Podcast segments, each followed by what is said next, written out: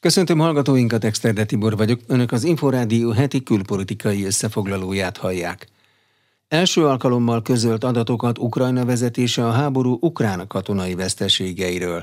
Az elnök és a védelmi miniszter nyilatkozatai alapján az orosz invázió kezdete óta naponta 100 ukrán katona hal meg és 500 sebesül meg a fronton. A civil áldozatok és az elesett orosz katonák számára vonatkozóan még mindig nincsenek megbízható információk.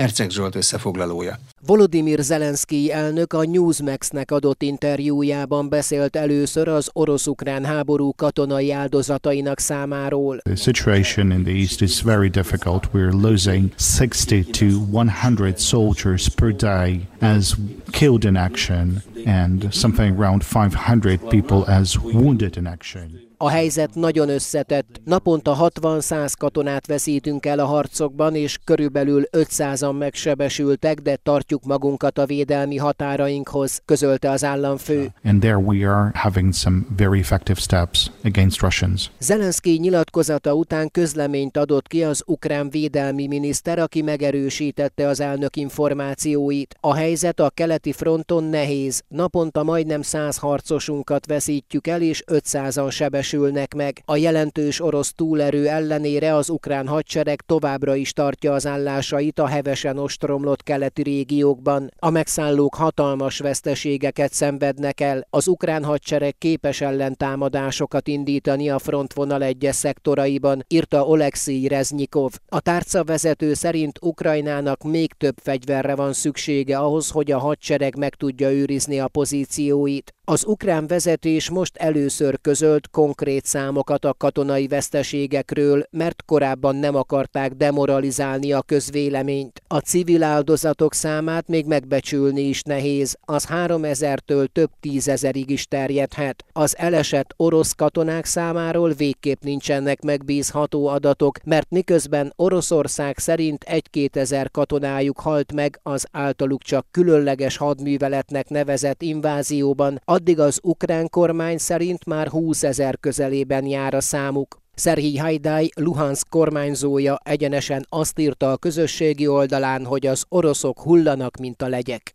Herceg Zsolt, Inforádió 88,1 Szlovákia eddig mintegy 154 millió euró értékű katonai támogatást nyújtott Ukrajnának.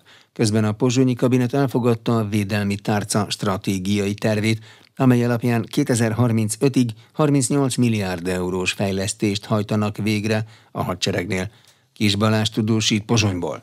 Szlovákia eddig mintegy 154 millió euró értékű katonai támogatást nyújtott Ukrajnának. A Jaroszlav nagy szlovák védelmi miniszterrel folytatott telefonbeszélgetés alkalmával ukrán kollégája Oleksiy Reznyikov megköszönte Szlovákia segítségét, és örült a két ország közti konstruktív tárgyalásoknak.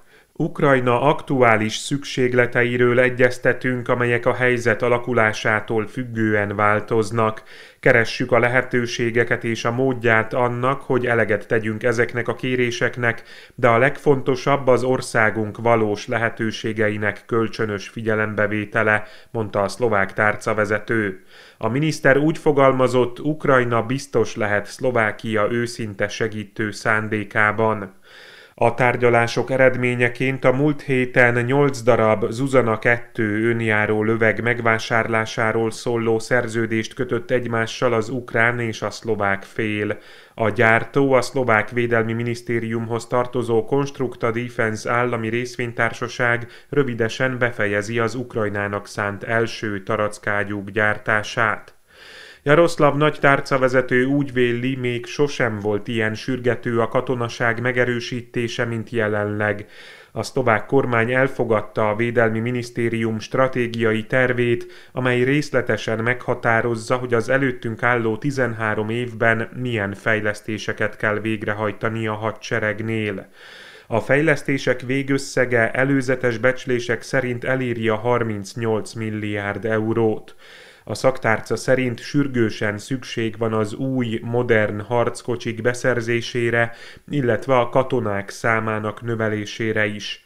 Az elavult katonai felszerelés és a korábban elhanyagolt védelmi infrastruktúra a miniszter szerint azt bizonyítja, hogy Szlovákiában az elmúlt évtizedben a hadsereg fejlesztése mellékvágányra került.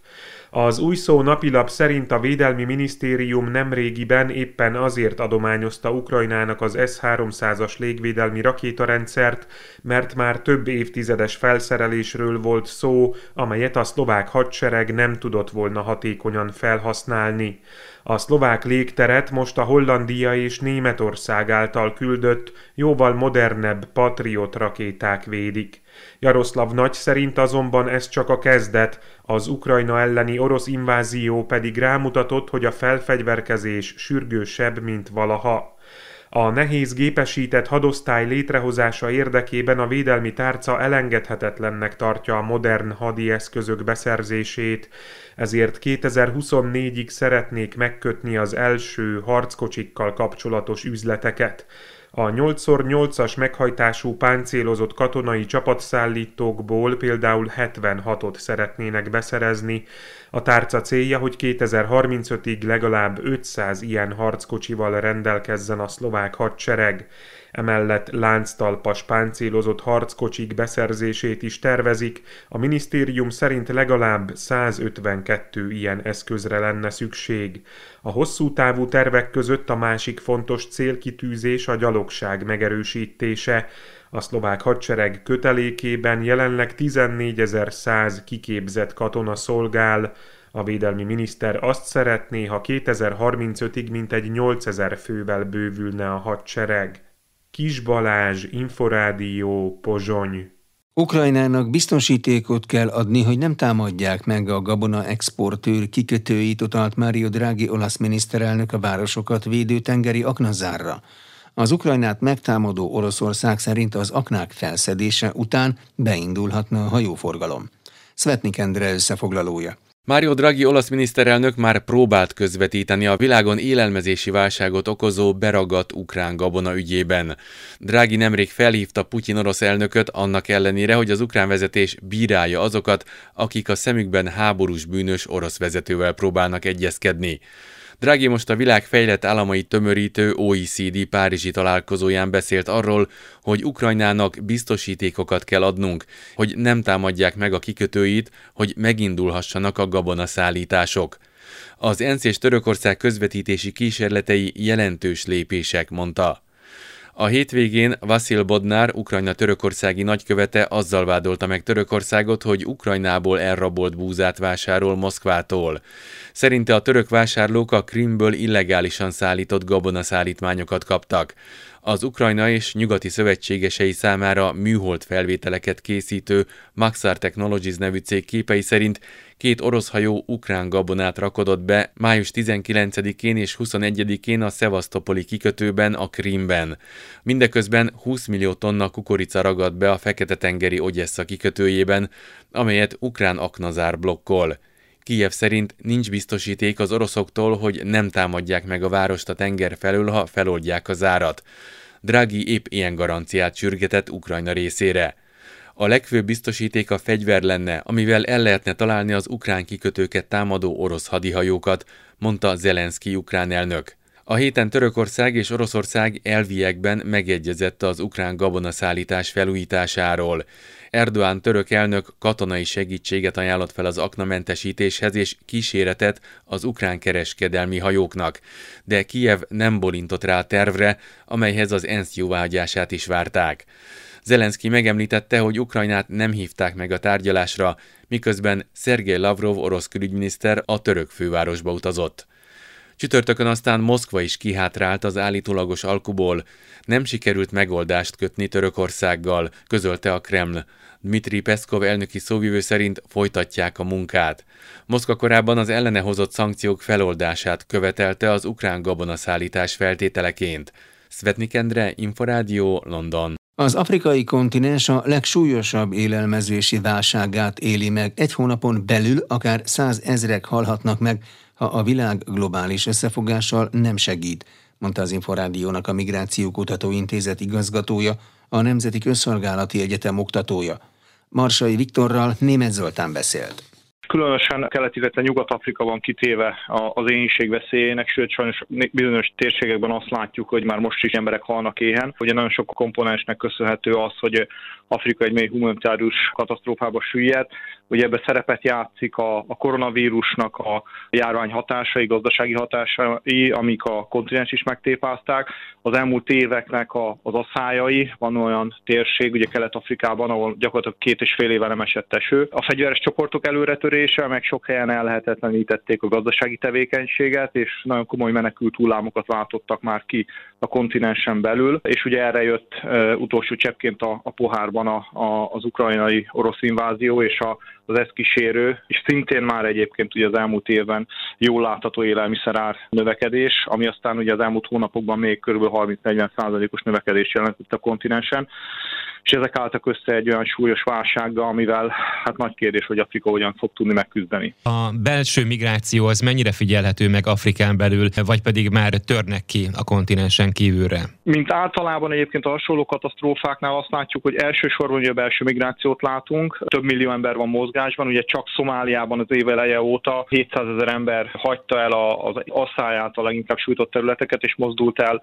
különösen a városok fele, de a Száhelben is ugye több százezer ember mozgását látjuk, de hogyha ezeket összeadjuk, akkor milliós tömegekről beszélünk. Ezek az emberek elsősorban nem a kontinensen kívülre fognak jönni, annál is inkább, mert egyszerűen nincs pénzük arra, hogy például az embercsempészeket lefizessék. Viszont ugye azt látjuk, hogy nagyon komoly destabilizáló hatása van eleve törékeny kormányzatokra, sőt, hát mondhatjuk, hogy törékeny régiókra, például Kelet-Afrikában, és ugye ennek a másodlagos következményeit még nem nagyon tudjuk felmérni.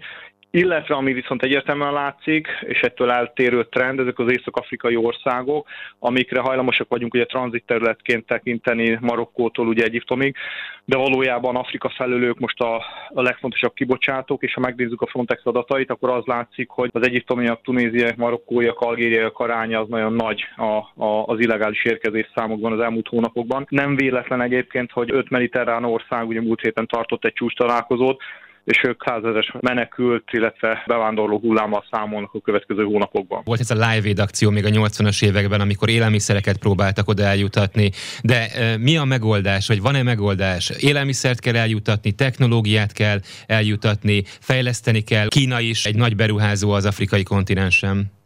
Így van, ugye mindezt együtt, de most a legfontosabb mégiscsak ugye az élelmiszer ellátmányoknak a, a megérkezése, és hát ugye nagyon fontos lenne az, hogy itt most már ne csak a nyugat tevékenykedjen, hiszen ugye amikor a, a kontinens javait kell lefölözni, ugye már nem csak a nyugati szereplők aktívak, hanem Brazíliától kezdve Indián át Kínáig nagyon sok Sőt, leginkább Kína. globális játékos látunk, igen, tehát nagyon fontos, hogy ők is megjelenjenek és segítsék a kontinens, és itt, itt valóban most globális összefogásra van szükség. Ha ez nem történik meg, akkor belátható időn belül, itt maximum egy hónapról beszélünk, itt százezrek halhatnak éhen. Továbbra is folyamatosan ömlik a szennyvíz a sajóba, sőt, növekedett a befolyó szenny mennyisége tájékoztatta az Inforádiót orosz őrs. A Nyitra megyei képviselővel, a Gombaszögi Fesztivál főszervezőjével, Bauman Tuka Nikoletta beszélgetett. A katasztrófa 106. napján a helyzet változatlan, a szennyvíz beömlése folyamatos, és a hidrometeorológiai körülmények eh, miatt még egy picit növekedett is a befolyás. A februári 10 literhez képest most már 19 liter per másodpercen folyik be a szennyezőanyag a folyóba. Milyen állapotban van a folyó élővilága? Erről lehet-e tudni valamit? A múlt héten egy nagyon aprólékos ichtiológiai felmérést végeztek el kutatók és civilek összefogásban. Összesen több mint 200 halat fogtak ki mintavétel céljából a folyóból. Tehát az a helyzet, hogy azon a szakaszon, ami a a szennyvízbeömlés alatti közvetlenül érintett rész, tehát mondjuk úgy az első 20 kilométer, ott teljesen trapára ment a, az állatvilág, és ha bár a mederfenékről sikerült egy-két halat kifogniuk a, a kutatóknak, de de ezek teljesen bódult állapotba, és helyszínen végbe ment a boncolás is, és mint kiderült, táplálékhiányosak ezek, a, ezek az élőlények, egyáltalán semmit nem találtak az emésztőrendszerükbe, tehát a táplálékláncnak több alkotó eleme, elsősorban az ízelt lábúak teljesen kipusztultak. Milyen beavatkozások történtek eddig, és vannak-e olyanok, amiket sürgetnének, de még nem történtek meg? Bizonyos felszíni vízfolyamokat megpróbálnak elterelni, hogy azok ne folyjanak bele a bányába, ne jussanak a föld alá, és nem mossák ezáltal ki a szennyeződést a bányajáratokból, hanem egyenesen a Sajó folyóba folyjanak, tehát ezzel próbálják csökkenteni a szennyvíz mennyiségét.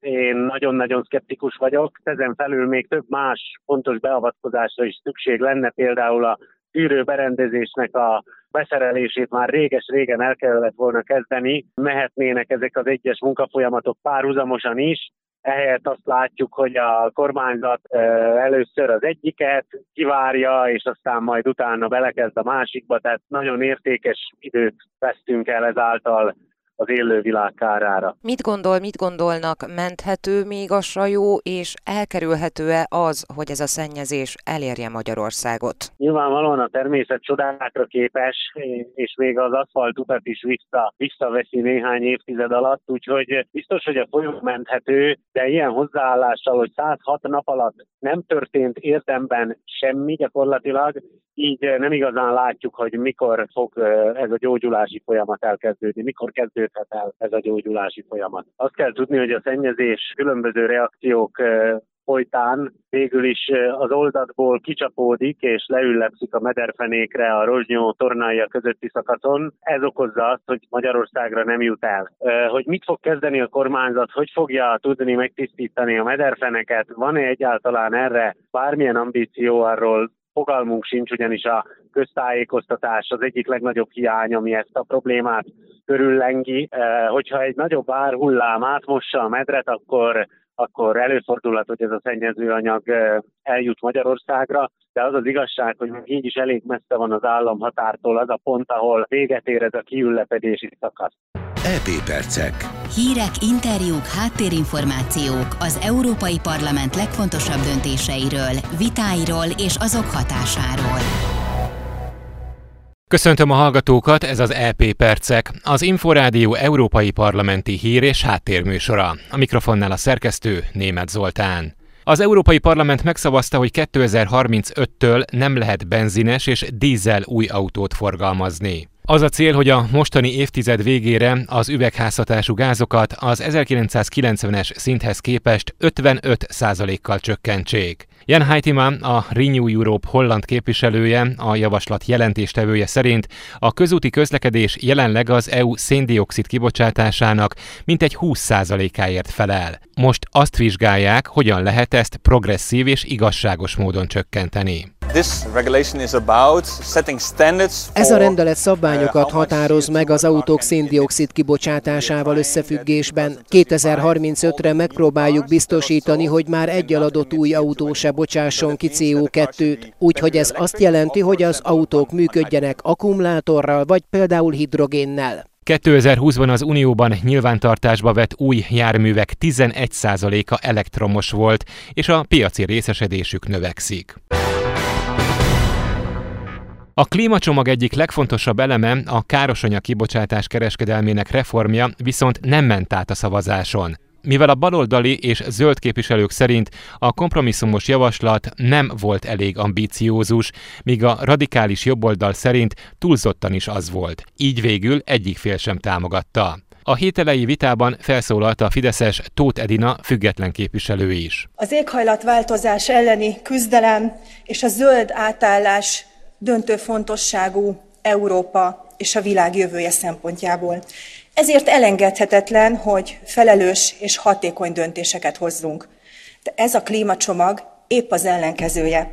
Felelőtlen javaslatok összessége, melyek szembe mennek a józanésszel, és uniós szerte jelentős lakossági energiaárnövekedést okoznának. A klímaadó elfogadása különösen kedvezőtlenül érinteni az európai, köztük a magyar családokat és vállalkozásokat, valamint veszélyeztetnék a magyar rezsicsökkentés eredményeit és fenntarthatóságát. Láthatjuk, hogy a felelőtlen brüsszeli klíma és energiapolitika miatt már most az egekben vannak az energiaárak, és elszabadult az infláció is. Nem hozhatjuk még nehezebb helyzetbe a polgárokat. A zöld átállás költségeit nem nekik, hanem a nagy szennyezőknek kell viselniük. A gazdasági növekedést gátló irreális baloldali elképzelések helyett valódi környezet és polgárbarát klímavédelmi intézkedésekre van szükség. Nem támogatta a javaslatot a Momentumos Donát Anna sem. A Renew Europe képviselője úgy véli, nem engedhetnek a nagyvállalati lobbinak. Elfogadhatatlan módosításnak tartja többek között a szénván bevezetésének eltolását. Szerintem ezzel az eszközzel megakadályozható lenne, hogy a kibocsátási kvóta drágulása miatt megdráguló környezetkárosító tevékenységet a vállalatok kiszervezzék az EU-n kívülre, majd onnan hozzák be a klímakárosító módon készült termékeiket. A politikus közleményében azt írta, olyan drágává kell tenni az EU-n kívül előállított, jelentős széndiokszid kibocsátással előállított termékek importját, hogy azt ne érje meg behozni. A szocialista Újhelyi István közleményében azt írta, a beterjesztett javaslatok jelentős részét ugyan támogatta, de véleménye szerint a parlament jobboldala túlzottan is a nagy tőke érdekét tartotta szem előtt.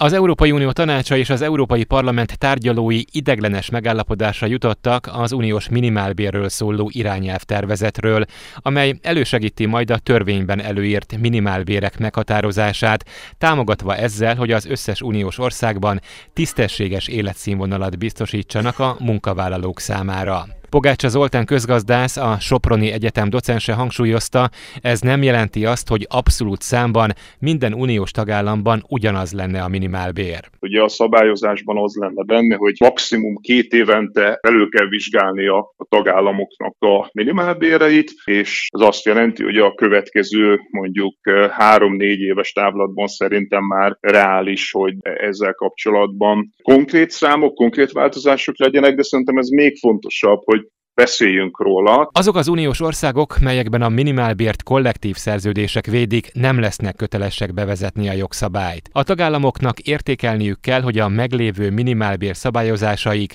megfelelőek-e a tisztességes életszínvonal biztosításához, figyelembe véve saját társadalmi és gazdasági feltételeiket, vásárló erejüket, illetve a hosszú távú nemzeti termelékenységi szinteket és fejleményeket.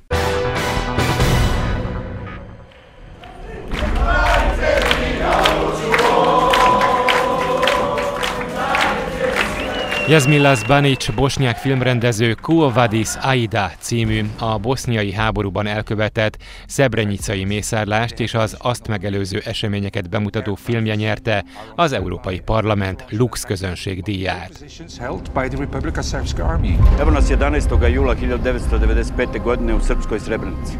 Roberta Metzola, az EP elnöke a Strasburgi plenáris ülésen a díj átadásakor elmondta, hogy a háborús drámát feldolgozó film igazságot követel a szebrenyicai nőknek és anyáknak, akik 8000 szerettüket vesztették el a mészárlás során. Az Aranymedve díjas bosnyák rendező alkotásának főhőse, Aida, az ENSZ tolmácsaként dolgozik, a szervezet által biztonságos övezetnek nyilvánított, a szerb hadsereg által elfoglalt kisvárosban. Kulcsfontosságú információkhoz jut, és mindent megtesz, hogy megmentse férjét és két felnőtt fiát a tragédiától. A nemzetközi koprodukcióban kilenc ország részvételével készült alkotás az Európai Filmdíj győztese volt, a legjobb európai film, a legjobb rendező és a legjobb színésznő díját is elnyerte, emellett a legjobb nemzetközi film Oscar díjára is jelölték.